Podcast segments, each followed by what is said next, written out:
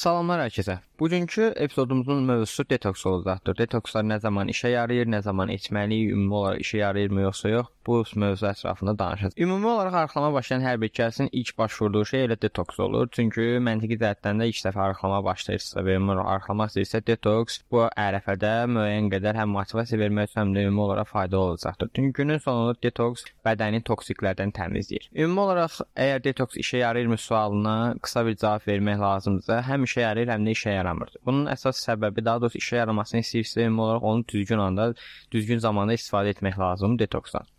Bədənə detoks bir növ bədənin buna ehtiyac olduğu zaman etmək lazımdır. Yəni məsəl üçün gün ərzində hər gün detoks suyu içmək və yaxud da detoksdan bağlı bir şeylər etmək o qədər də effektiv deyil. Bunu ayda bir neçə dəfə etmək isə müəyyən qədər effektli olur. Ümumi olaraq detoks edən əsas gözlənti bədənindən su atmaqdır, hansı ki bunun hesabına bir çox zaman 1-3 kilo arası çəki itirə bilirik. Yəni çox vaxt detoksun ümumiyyətlə detoks vasitəsilə itirilən çəki həm tez bir zamanda bərpa olunur, həm də ümumi olaraq əsasən su olur. Yəni bədən suyu atır, bunun hesabına da 1-3 kilo arıqlaya bilirik daha qısa bir müddət ərzində. Əslində burada əsas problem bədənə su yığmağa icazə verməməkdir.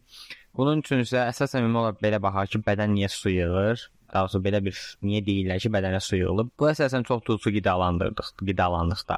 Məsəl üçün fast food tipli turşu məsəl üçün çox həddindən artıq çox qida yedikdə bədəndə duzun miqdarı artır və duz da bədəndə su saxlayır. Bundan əlavə olaraq tam əksinə çox az su içmək gün ərzində bu da həmçinin bədəndə su yığılmağına səbəb olur.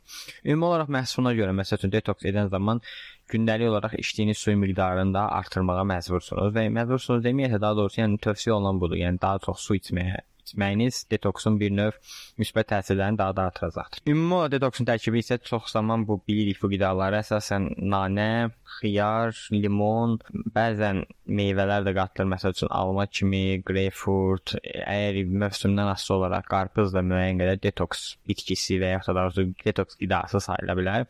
Çox zaman əsasən nanə, xiyar və bir çox digər bitkiləri suda saxlayırlar bir gün, yəni axşamdan qoyurlar, səhərə qədər suda qalır və ondan sonra həmin suyu gün boyu içirlər. Amma sözsüz ki, sadəcə gün ərzində detoks suyu bir növ içmək yox, həmçinin həm detoks suyu, həm də adi normal su içmək lazımdır ki, o öz müsbət təsirini göstərə bilsin. Ümumi olaraq detoksun hazırlananlardan başqa da ümumi olaraq çay olaraq versiyaları da var, hansı ki, apteklərdə və mağazalarda satılır. Detoks çayları və yaxud ümumi olaraq arıqlamaq çayları və s. Bu çaylar da yəni, arıqlamaq çayları ümumi olaraq əsas şeyi elə detoksdan eynidir. Onlarda sadəcə olaraq bədəndən su atmaqdan başqa o daha şeydir deyə bir növ bağırsaqlarda şlak deyək, bu bağırsaqları yığılmış bağırsaqlarda təmizləyir deyə bir növ daha çox çəki atmağa fayda olur. Amma gün sonunda hamısı eyni bir növ geri qayıdır. Yəni onu başa düşmək lazımdır. Ümumi olaraq detoks arıqladırmı, yox arıqlatmır. Çəkini aşağı salırmı? Bəli, çəkini aşağı salır. Çünki arıqlamaq daha uzun müddətli bir prosesdir. Yəni bir günə, bir gecə ərzində arıqlamaq, yəni məsəl üçün yəni detoks edən zaman çox zaman 1-2 gün ərzində 3-4 kilo içilmək olur. Əgər bu sözsüz ki, hə, həminki vəziyyətinizdən asılı, yəni bədəniniz çox pis haldadsa, yəni daha çox çəki itirəcəksiniz. Nə qədər çox su tutubsa bədəniniz o qədər daha çox çəki itirəcəksiniz bir növ.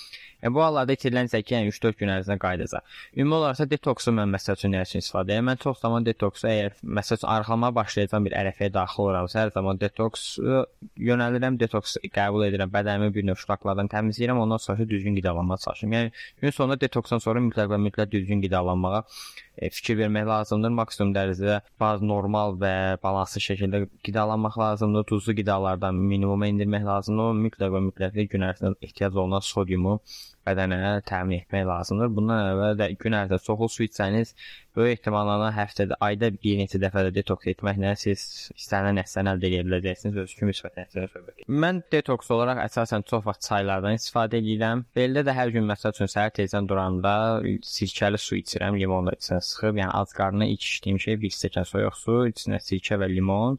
Yəni detoks olaraq bu effektiv olur. Yəni, günün sonunda yenə bildiyim kimi bunların hamısı bir növ arıqlama yox, sadəcə olaraq bədəni stabil və gümrah saxlamağa effektivdir. Su yığmanın qarşısını alır və bir çox bu tip şeylər.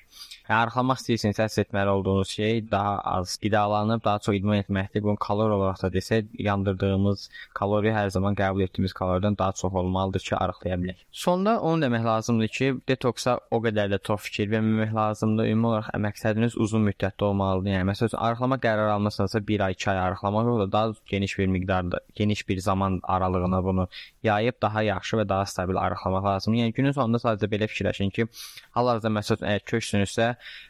bu köklüyü qazanmaq üçün illər ilə vaxt sərf etmisiniz və həmin şeyin bir gündə, bir gecədə, bir həftədə və ya da bir ayda itməyini gözləmək biraz düzgün deyildir. İtə bilərmi? Bəli, itə bilər, amma bu çox-çox-çox sağlam olmayan yollarla olacaq. Buna görə də siz xeyirdən çox ziyan əldə edəcəksiniz. Ona görə səbirli olun. Arıqlamağa çalışanda sizin qidalanmaya və idmana fikir verin. İdmana fikir verin. İdmanla arıqla. Bəzi olur, bəzi insanlar sadəcə deyir ki, mən pəhriz edim, arıqlayım, idman eləməyim, amma bu da o qədər də yaxşı deyil deyə düşünürəm. Çünki günün sonunda idman həm də bədənin bir növ quruluşuna təsir edir. Daha yaxşı görünmək üçün, daha e, bir növ gümrah, daha dik duruşlu və s. görünmək üçün həm arıqlayıb, həm də idman etmək lazımdır. Çox arıq da olmaya ehtiyac yoxdur. Əsas odur ki, normal şəkildə özünüzü bəyəndiyiniz halda olun. Bu epizoddan bu qədər. Məni digər sosial platformalarda izləməyi unutmayın. Ehtiyac olan bütün linklər açıqlama hissəsinə yerləşdirilmişdir. Sağ olun, hələlik.